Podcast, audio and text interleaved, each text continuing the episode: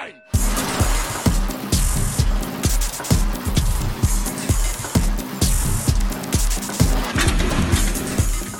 Hallo, beste luisteraar van Radiografisch. Hier is de grafische vakpers. Ik zit in eh, Brabant en Ed zit in Alkmaar. Hallo Ed. Dag Alex. En ik was gisteren ook in Alkmaar. Ja, Oh ja, ik moet eerst even zeggen, welke week leven we eigenlijk? Dat, dat is, dat is week al- 19. Week 19. Maar hij is al bijna afgelopen, hè? Week 19 is bijna afgelopen. We hadden gisteren, was het donderdag. Dus als je dit hoort, het is nu vrijdag. Dat, eh, dat is van, van belang. Want ja, een podcast Ja. kun je beluisteren wanneer je maar wil natuurlijk. Misschien hoor je dit over 10 jaar. Het is 2023, week 19. Normaal, zijn- normaal zijn we er ook wat eerder met de podcast. Maar ja, vanwege het evenement Knappe Koppen zijn we deze week wat later eh, in de lucht, om het zo maar te zeggen. Ja, we hadden gisteren ons evenement Knappe Koppen. Eh, er was een man op 25 op afgekomen. Allemaal mensen van de grafische vakpers. Allemaal leden van de grafische vakpers. Het was wat drukker, want er zaten ook wat mensen bij die eh, het evenement ondersteunden. de sponsors. Zeker. En de sprekers waren er natuurlijk. Dus alles bij elkaar was het best wel een flink gevulde zaal. Ja, dat was, het was ook een gezellige zaal. Het was een leuke zaal. Het was wel een goede locatie met, met ja, een- nou, laten we maar zeggen, een kroegopstelling. Tenminste, dat heb ik een paar mensen horen zeggen. Dat lijkt hier wel een kroeg. En dat was eigenlijk ook wel eh, waar, we, waar we op hoopten. Ja, het was een echte kroegopstelling. Dus ook een, eh, enorme bar in eh, Zaal Ruis in Alkmaar. Ja, ook niet onbelangrijk. In de telefooncentraal. En het, het- laten we even beginnen bij het begin. Het allermooiste van Zaal Ruis is de parkeergelegenheid. Dat is gewoon, voor de echte autogebruiker is dat gewoon echt thuiskomen. ja, ja, ja, nou, en er waren mensen die toch ook wel van ver kwamen. Ja, eentje uit Nijmegen. eh, Brussel. Brussel? eh, ja, Brussel. Ja, Ja. Zeker, ja, ja. Ja. Oost van het land, eh, zuiden van het land. Nee, er waren echt mensen die, die, die, die daar flink moeite voor hebben mo- moeten doen. Ja. Dus, dus nee, het was een super geïnteresseerd publiek. Dat, dat, dat hielp enorm. En ja, we hadden gewoon goede experts op het, op het podium. Het was echt heel erg leuk. Eh, als je luistert en je gaat wel eens naar eh, verhalen over Inkjet luisteren, want daar ging het dus om. Eh, het heette Knappe Koppen. Nou ja, vaak is het dan eh, heel erg zenden. Hè? Dat, dat was in dit geval ook wel een beetje zo natuurlijk. Eh, de mensen op het podium die waren aan het woord. Mensen het publiek mochten inbreken. Dat gebeurde af en toe ook. Die, die hadden ook eh, toffe vragen. Eh, ja, wij hadden ervoor gekozen om de sprekers te interviewen. En eh, ja, ja, geen powerpoints. geen powerpoints. Dus we konden ook lastige vragen stellen. Bijvoorbeeld over eh, de prijs van eh, inkt. Die vragen werden ook Ja, gesteld. dat werd nog een interessante discussie inderdaad. Leerzaam ook. Ja, ik kon het hebben over duurzaamheid en ik kon het hebben over type printkoppen, de voor- en de Ja, nadelen. ja, we zijn ook gewoon in de techniek. Nou, sterker nog, Erwin Busselot van, van Rico had, had een printkop bij zich. Dus dat, Ja. ja, dat, dat werd heel visueel, zullen we maar zeggen. Dus we hebben alles geleerd over, over, over inkt, over nozzels, over papier. Want Rob Bouwmans van Kraan van Gelder, die, eh, die had daar ook eh, het nodige over te vertellen. Over wat water met, eh, met papier doet. Ja. En hoeveel technologie er, er eigenlijk bij komt kijken om, om inkjet op papier een beetje netjes te laten verlopen. Dus dat, dat werd een hele interessante, interessante ronde. Ja, en, en hoe de keuze van het papier je inktgebruik kan beïnvloeden. Zeker, ja. En hoe dat je, je calculatie beïnvloedt. Ja. Dus dat, dat was zeker interessant. Thijs van Tienen van, van Canon had het nodig te vertellen. Zeker ook over de prijs van de, van de, van de inkten. Ja. Dus dat, dat, eh, dat werd interessant. Eh, Advies, van, ook van Krauw van Gelder trouwens. Die, die, eh, die, ja, die, die man beschikt over heel veel cijfers en, en marktinformatie. Dus dat, dat, dat vond ik erg boeiend. zoals hij naar de, de markten keek. en Naar de ontwikkeling van bepaalde markten. Hè. De, de Transpromo en de boekenmarkt. Het ging- best lang ook over de boekenmarkt. Ja. Wat zeker interessant was. Want ook in het publiek hadden we natuurlijk een aantal mensen die, die in die markt opereren. Dus de, dat, dat werd een goed gesprek. Het, het, het verliep uitstekend. En, en we hadden natuurlijk nog HP op het podium. Onno Schildkamp. Die, eh, die eigenlijk pas sinds kort eh, bij HP voor de Benelux ook eh, verantwoordelijk is. Hij, hij, heeft al, hij, hij zit al ontzettend lang bij HP. Maar en, en ook best al lang bij, aan de grafische kant van, de, van het spectrum, zeg maar. Ja, die, die, die deed ook die deed lekker mee op het podium. Ja, precies. Ja, uitstekend. ja en we hebben teruggekeken naar eh Hunkler Innovation Days, eh, wat, wat ze was opgevallen. We hebben vooruitgekeken naar eh Drupa. Ja, Nou ja, je zei net al, we zijn eh, behoorlijk diep de, de techniek ingegaan, voor zover Ja. mogelijk tijdens zo'n sessie. En we hebben het gehad over de markten, waar je wel en niet naar moet kijken. Ik vond vooral inderdaad het verhaal over de publishers wel interessant. Daar hebben we als grafische industrie toch wel een slag te slaan, denk ik, om eh, Mm. duidelijk te maken aan, aan de klanten wat er eigenlijk mogelijk is op dat gebied. En dat er eigenlijk nog best wel voor zotte oplossingen wordt gekozen, eh, die eigenlijk veel beter in Inkjet zouden kunnen worden opgelost. En, eh, en zo is ook duurzaamheid aan bod gekomen, want Inkjet kan ontzettend veel afval besparen. En ontzettend veel kosten besparen ook uh, trouwens. Ja, dus nou ja, ja, het wordt interessant in de richting van Drupa. Ja, wel, we, ja, we kregen natuurlijk geen grote ont onthullingen over Drupa, over wat we daar gaan zien, zeg maar, qua machines en dat soort dingen. Wel weten we dat in ieder geval HP van start is gegaan alvast uh, met, uh, met de voorbereidingen. Ja. Dus die zullen er zeker zijn. Onno kon nog niet vertellen natuurlijk hoe groot en ook niet met wat voor machines, maar ze zullen er zeker zijn. En dat geldt ook voor, voor Rico uh, en voor Canon. Ja. bij Rico weten we in ieder geval dat de, de, de felle inkjet pers nou ja, eigenlijk zijn debuut zal gaan maken op Drupa. De Z75, als ik het goed zeg, ja, de B2-machine. Ontzettende sexy naam. Ja, misschien komt er nog wel een hele sexy naam tijdens Drupa, dat weet ik niet. Ik zou het doen als Skuwers. ja. Nee, want uh, eigenlijk dachten, uh, ik was in de veronderstelling dat het dit jaar eigenlijk al uh, los zou gaan met de machine. Maar goed, Erwin maakte duidelijk dat het toch, ja, droep eigenlijk het moment wordt dat we die machine echt ja. gaan zien. Dus dat, dat wordt zeker interessant. En ja, eigenlijk ja, was de stemming toch wel. En ook in de zaal, nou vrijwel de hele zaal gaat naar Drupa of is ja. voornemens naar Drupa te gaan. Toch het belang van, van de beurs staat wat dat betreft niet echt ter discussie eigenlijk. volgens mij wel de omvang en, en dat soort dingen. Ja. Maar, maar dat die beurs er ja, moet zijn, dat, dat uh, leek toch wel heel duidelijk. Ik heb eigenlijk naar gisteren, kijk ik ook positief. Ik, ik had met Roepa een beetje van, nou ja, wat zou dat worden 2024? Maar toen we het er gisteren zo met iedereen over hadden. Ja. Ik krijg, ik krijg er nu ook wel weer zin in. Nou ja, na acht jaar heeft iedereen er inderdaad toch echt, geloof ik wel weer, ja, zoiets van, nou ja, tijd, uh, tijd voor een Droepa. Ja. Dus uh, ja, ja, en inderdaad, dat heb ik zelf ook wel, ja. Ja, ja. ja wie weet, misschien gaan we weer eens een keertje terugslaan uh, als grafische industrie. Uh, hmm. Met vernieuwingen komen en, en, en ja, toch nog maar een keertje duidelijk maken dat Inkjet best wel ontzettend toffe techniek is. die je op heel veel manieren kunt inzetten.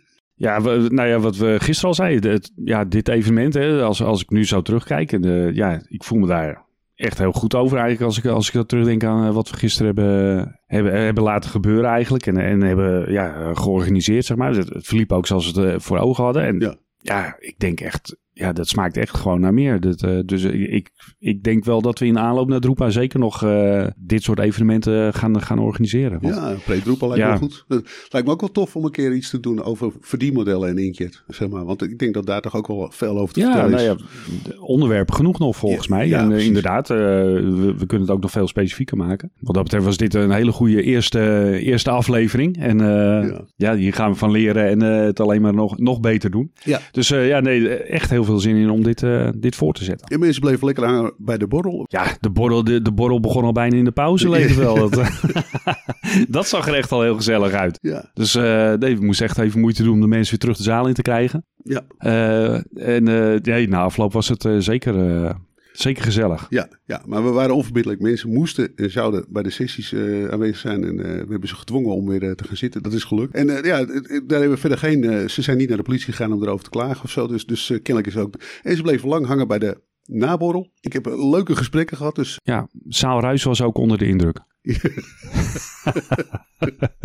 Ja, locatie was niks mis mee, wat mij betreft in ieder geval. Dus, Nee. eh, Zeker niet. maar goed, we hebben het over deze week. Er was nog veel meer nieuws. Het was echt gewoon veel nieuws eigenlijk. Eh, er staat een hoop op de website ook weer. Het gaat maar door. Het Drukkerijmuseum, daar moeten we eerst maar weer even beginnen. Het- het- Ja, toch maar weer wel. Ja, de saga van het Drukkerijmuseum. We moeten snel zijn, we moeten snel zijn. Want het Drukkerijmuseum zoekt, eh, wat was het, geldschieters hè? Ja, ja, nou ja, er moet, er moet linksom of rechtsom moet er geld komen. eh, acuut en structureel eigenlijk, als, ik, als ik het allemaal zo lees. Ja, ik, ik was toch een beetje aan het terug, terugzoeken hoe, hoe dat drukkerijmuseum er eigenlijk eh, nou, ooit gekomen is, zeg maar.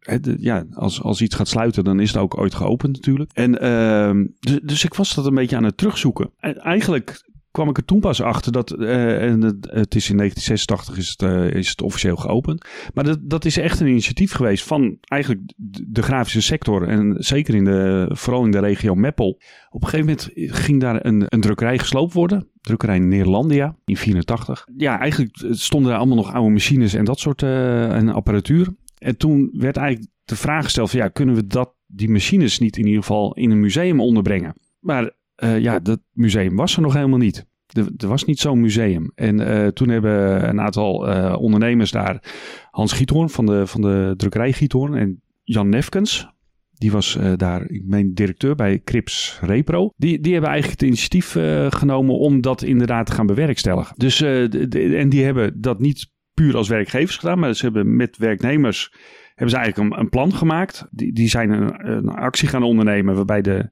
werknemers daar in die regio, die hebben hun overuren allemaal uit laten betalen in een, uh, in een speciaal fonds. De werkgevers die hadden beloofd om wat ze daar ophaalden, dat bedrag zouden ze verdubbelen. En dat is uiteindelijk is dat opgelopen tot 175.000 gulden. En uh, doordat ze dat fonds hadden met dat geld, konden ze een stichting oprichten. De stichting, uh, stichting Grafisch Museum Drenthe. En toen dat er allemaal was, toen zei de gemeente Meppel van nou, dan, dan stellen wij ons ook garant van 150.000 euro. Gulden, sorry. We, we hebben het natuurlijk over de guldentijd. En er kwam uit nog een, een, een waarborgorganisatie, kwam een renteloze rekening, lening sorry, van 250.000 gulden. En met dat geld waren ze in staat om een, een, ja, een historisch complex van, van pakhuizen eigenlijk in het centrum uh, van, van Meppel aan te kopen. Ja. Ze hebben de, de, dat pakhuis en de, dat is dat pand waar ze nu ook nog steeds zitten. Dat konden ze toen kopen voor 390.000 gulden. Ja. Ja, en, en daar hebben ze dus dat museum gevestigd. Dus ja, toen was het het museum. En er, kwamen van verschillende bedrijven kwamen de giften. Hè, een, een kniehevelpers en, wat niet al. Dus, dus dat museum heeft zich gevuld. Uh, de, nou, die hebben echt een collectie opgebouwd. Ja, en sindsdien ja, is dat dus uitgegroeid tot wat, wat nu het drukkerijmuseum Meppel is. Ik, ik kreeg eigenlijk een, korte geschiedschrijving van, van het museum. Kreeg toegestuurd. en, en ja, als je, als je dat terugleest, zeg maar, dan zie je wel dat, dat de financiering van, van de, vooral de exploitatie van zo'n museum, dat is, dat is vanaf het begin is dat moeizaam geweest. Dus het is voortdurend een strijd met, ook met de gemeente Meppel, die die subsidie dan weer wil afbouwen en uh, wil verminderen en wil, wil stopzetten en terugdraaien. En, dus, dus er is eigenlijk altijd wel gesteggel geweest over de financiën. Maar goed, uh, ze hebben dat altijd een beetje weten vol te houden. En dat, dat, dat heeft ook organisatorisch allemaal wel, wel zijn wissel getrokken, zeg maar, op de mensen die erbij betrokken waren. En je ziet ook enorme fluctuatie in de, in de bezoekers die naar het museum kwamen door, door de jaren heen. Maar goed, ze, ze, ze, hebben toch uh, piekjaren meegemaakt van, van dik 8000 en, en, en, en zelfs 9000 bezoekers in 2019. Uh, hè, dat, dat, was eigenlijk vlak voor de corona, zaten ze echt in een opgaande lijn en kwamen ze op 9000 bezoekers. Maar dieptepunten ook. Uh, in 2010 hadden ze er nog, uh, nou, nog geen 3000. Dus dat waren echt, uh, waren echt sombere jaren dan. Ja. Qua bezoekers zat het in een, in een goede lijn. Nou ja, dan krijg je natuurlijk de coronacrisis. Geen bezoekers eigenlijk. En nou ja, het herstelt zich nu weer langzaam uh, volgens uh, Stijn van Ittersum. Dat is de bestuursvoorzitter van de, van de stichting achter het museum. Dus vorig jaar zaten ze op dik 5000 bezoekers weer. Maar ze hebben natuurlijk een veel groter probleem. En dat is dat pand eigenlijk. Het pand is nog steeds van de stichting. Dat is op zich natuurlijk prachtig. Maar ja, het is een rijksmonument, dus ze moeten het goed onderhouden. Nou, het is bepaald niet energie-neutraal gebouwd, zal ik maar zeggen. En ik, ik heb geen idee of je het energiezuinig kan krijgen, zo'n pand. In ieder geval, de, met de energiecrisis die, die er nu is. Ja, de, de, kosten stijgen natuurlijk de pan uit. Ja. Nou ja, en het probleem, maar goed, dat, dat hebben we natuurlijk hier eerder al uh, in de podcast uh, besproken. En ook op de website. De, de gemeente Meppel, die zegt gewoon van ja, die 26.000 euro per jaar die we er nu nog in stoppen. Dat is echt wel wat wat, wat het is. En als jullie niet met betere plannen komen, dan, dan komt er ook echt geen geld bij. Dus Meppel die, uh, ja, die, die heeft eigenlijk gezegd van ja, we, op ons hoef je niet te rekenen. Dus ja, nu is het uh, voor het bestuur, ja, nou, die hebben gezegd als het zo doorgaat, moeten we per 1 juni dicht. Nou, ze zijn nu bezig toch fondsen te, te werven. Ze hebben in ieder geval ergens een waarborgfonds weer gevonden. Er zijn wat lokale ondernemers die, die geld toezeggen. Nou, ik meen, vorige week hadden we het er nog over dat de BBB, of all people uh, nou, er toch voor pleit dat de provincie hier ook uh, geld in gaat stoppen. Dus wie weet uh, komt er toch nog voor 1 juni, hoe, hoe, zeg je dat, witte rook? Ik hoop het. Uit het drukkerijmuseum, maar het, het, ja, het ziet er toch wel heel moeizaam uit. Maar dit is natuurlijk een gek idee, dat, is, dat pand. Ja. dat, ja, ik weet niet wat zo'n pand dan nu waard is, weet je. Het, nou ja, dat maar, bedoel ik. Het, het, het, ja. Als je dat kijkt, dat, dat bedrag destijds was natuurlijk enorm uh, om, om neer te tellen voor een, voor een pand. Maar als je ja. dat vertaalt naar nu, dan is dat natuurlijk een. Uh, ja, dan kun je nu niet eens een woonhuis verkopen in, in Meppel. Nee. En dit is een beetje too good to be true natuurlijk. Dat, dat er een, een leuke stichting zo'n prachtig mooi pand uh, mag bewonen. Ja. Laten we hopen dat, dat, dat, dat, dat ik nu te cynisch ben, zeg maar. En dat, dat, dat de gemeente oprecht wil dat dit museum ja. blijft bestaan. Maar ja, ze hadden het al over alternatieven. Nou, dat alternatief, schat ik zoiets, zal dan wel niet in dit pand zijn. Als, als dat er komt. Ja, ik, ik weet het niet. Ik, ik zag laatst zag ik op internet nog een, een video voorbij komen van, ik meen Sterk Meppel, of Meppel Sterk, uh, een van de lokale politieke partijen. Die ook heeft gezegd van, we praten nu niet verder als er niet een nieuw plan komt. Uh, dus, dus die wilde ook niet uh, verhogen. Maar in, in die video probeerde die man dan weer uit te leggen van ja, maar als er nu een goed plan komt van, vanuit het museum. Hè, het museum moet met een goed plan komen, een ondernemersplan in feite, cultureel ondernemerschap. Tuurlijk is er dan geld. Ja, ja zo is het wel op. Uh, dus ja, het is toch een beetje elkaar nu eh, die, die bal uh, toespelen. Dus nou ja, we, we, gaan zien waar het balletje Nou, daar, wil ik nog iets over zeggen. Want kijk, uh, ondernemersplan, dit, dit, is, dit is niet een uniek probleem voor het drukkerijmuseum Meppel. Sinds corona hebben alle kleine museum, musea het heel erg moeilijk. Ja. Het Rijksmuseum heeft het heel erg makkelijk. mensen lopen over elkaar heen om daar naar binnen te kunnen. Ze moeten met, met timeslots werken, geloof ik, vanwege de drukte. Mhm. en, uh, maar ja, goed, daar, daar gaan natuurlijk bakken en bakken en bakken met geld uh, naartoe. Datzelfde geldt voor het stedelijk en voor, voor het Van Gogh. En uh, het is echt niet zo dat die, dat die dan dat daar geen subsidie bij zit of zo. Dat, dat, mhm. Als je tegen het Rijksmuseum zou zeggen of tegen het Rijksmuseum, maak even een ondernemersplan zodat je jezelf kunt bedruipen. Dan hebben ze echt een enorm probleem. En als je dit, ja, aan, zeker. Ja, als je dit aan een klein museumpje wat gerund wordt door vrijwilligers, wat bijna niks kost. Uh, en je zegt, nou, zelfs dat kleine beetje wat het dan kost, dat kunnen wij niet betalen. Maak even een plan. Ik vind dat eigenlijk gewoon, ik vind dat eigenlijk gewoon helemaal niet eerlijk. Uh, ja, ja. Je moet dit soort dingen koesteren, Meppel. Koester nou gewoon het museum. Doe het niet zo moeilijk. Ja, jullie zijn drukkerijstad. Blijf dat nou gewoon. Wees, wees, nou, wees, nou niet, wees nou niet een fake news dorp, maar wees een drukkerijstad. Zo, dat vind ik. Uh, dat wordt de slogan voor de, voor de redding van het, uh, voor het drukkerijmuseum. Ja. Over financiële problemen gesproken. er zijn ook een nou. paar drukkerijen failliet gegaan deze week. was het deze week eigenlijk in ieder geval? Nee, begin mei. Eigenlijk meteen, wat was het? Op 3 mei werden, werden een aantal faillissementen bekendgemaakt op rij. Dus dat hakte er opeens flink in. Ja. En dan hebben we het bijvoorbeeld over de Prins op Ouwehand in Leidendorp.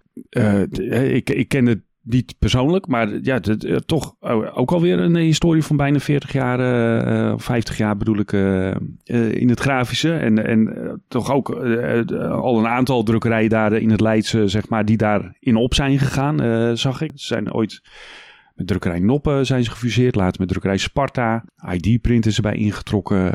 en in 2019 trokken ze nog naar een, een nieuw en groter, of in ieder geval naar een groter pand in Leidendorp. Maar dat heeft het ja, niet kunnen redden. Dus die, die, daar is het doek gevallen. Nou, dat geldt ook voor, nou, eigenlijk, nou, dat mogen we dan wel weer een historische drukkerij noemen. Inderdaad, 130 jaar historie gaat er met drukkerij Edouw en Johannissen verloren in Pijnakker. Ja. Nou, dat is toch ook een, een, een, triest einde van, de, van, van zo'n legendarische naam. En ja, nog, nog een andere bekende naam, Klomp. Klomp Offsetdrukkers in Amersfoort.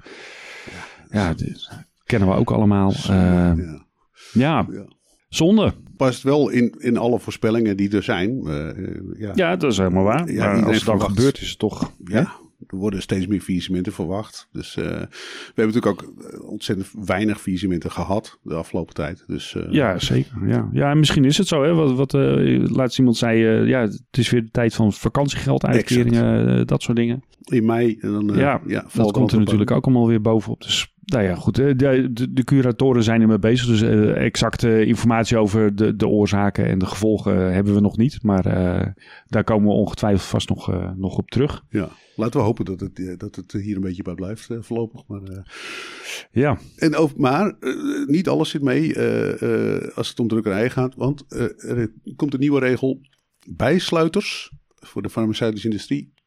die waren al tot nu toe altijd verplicht, of zijn nog steeds verplicht, om die uh, indruk erbij te, te leveren. Ja. Maar er is een plan om dat toe te staan, om dat alleen digitaal uh, te doen. Ja. Van de ja. Europese Commissie. Ja, interessant specialisme, die, die bijsluiters uh, drukken. Drukken valt al niet mee op dat papier. En vouwen helemaal een trucje apart. Ja. Als je hem eenmaal uitgevouwen hebt, dan krijg je hem ook nooit meer in elkaar natuurlijk. Ja. Maar ja, de, de, de, de branche ja, die uh, protesteert hij toch wel tegen. Ja, niet de farmaceutische branche overigens, want die, uh, die, die zien grote besparingen in het vooruitzicht. Ja, maar ja, ja, vooral de, de, de grafische de branche, hè, Integraaf, maar ook KVGO is, is hier fel op tegen.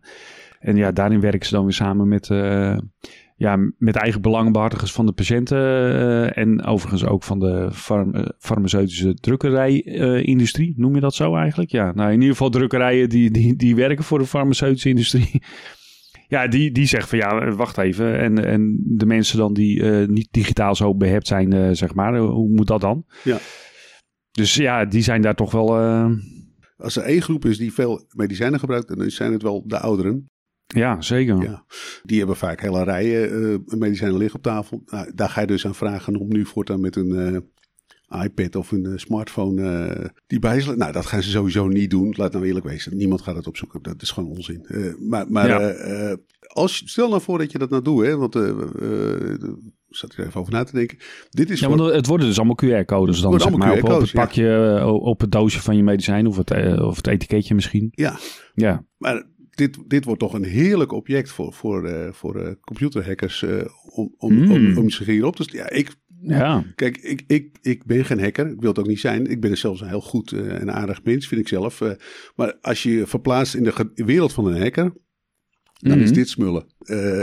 ja, ja, dan ga je natuurlijk een bijsluiter maken die helemaal nergens op slaat. En dan lig je helemaal in een deuk in je eentje achter je computertje met, je, met je gameconsole. En dan heb je een paar mensen ontzettend uh, de ziekte ingejaagd. Ja. Ja, dit is, ja. ja. Dit is gewoon. Wie weet. Ik, ik, ben, ja, ik bedoel, ik ben tegen overbodig drukwerk, altijd. Maar ik vind bijsluiters een hele, hele belangrijke uh, vorm van. Uh, van, ja, ja, van nuttig drukwerk, ja, toch? gewoon heel nuttig. Ja, of nodig drukwerk, ja. het is ook niet heel veel papier of zo. Het, is, het zijn vrij kleine papiertjes. Ja, ik heb ze wel eens gezien. Kijk eens bij de paracetamol. Ik, ik kan bijvoorbeeld, nou, dit is een mooi voorbeeld. Tijdens de coronacrisis werden, uh, werden alle bijeffecten van, van de vaccins, uh, die werden allemaal op, op Facebook gezet. Moet je kijken. 1 op de 3 miljoen gevallen kreeg hoofdpijn of zo, weet ik veel. En wat is dit toch erg? En toen had iemand een foto gemaakt van de bijsluiter van paracetamol. Mm.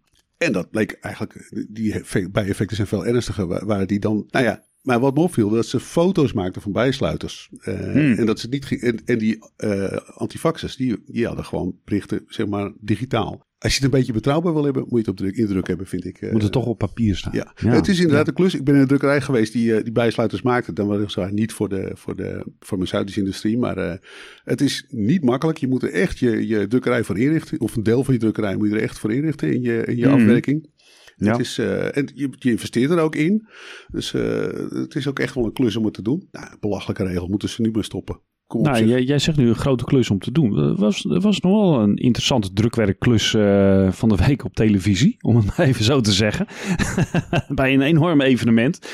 Als we dat vergelijken met uh, knappe koppen. De, de, de kroning van de koning ja. van uh, Groot-Brittannië, Charles. Charles III. Daar, was, daar, daar stond toch wel een, een, belangrijk stuk drukwerk centraal tijdens de hele ceremonie. Want uiteindelijk moest hij natuurlijk toch de eet afleggen met zijn hand op de Bijbel, die hij ook moest kussen.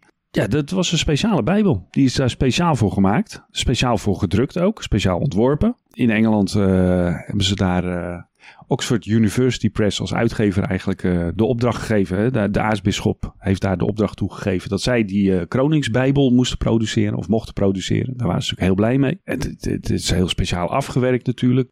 door, door een, een stel handboekbinders bij Shepherds, Zangorski en Sutcliffe in Londen. Ja. Een hele oude, oude boekbinderij in, uh, in Groot-Brittannië. En over welke nou, oplagen praten we hier? Ja, dat is dus grappig. Want je denkt dan, oké, okay, één Bijbel. Maar nee, dat, dat is niet helemaal waar. Er worden vier van die Bijbels gemaakt. Vier stuks.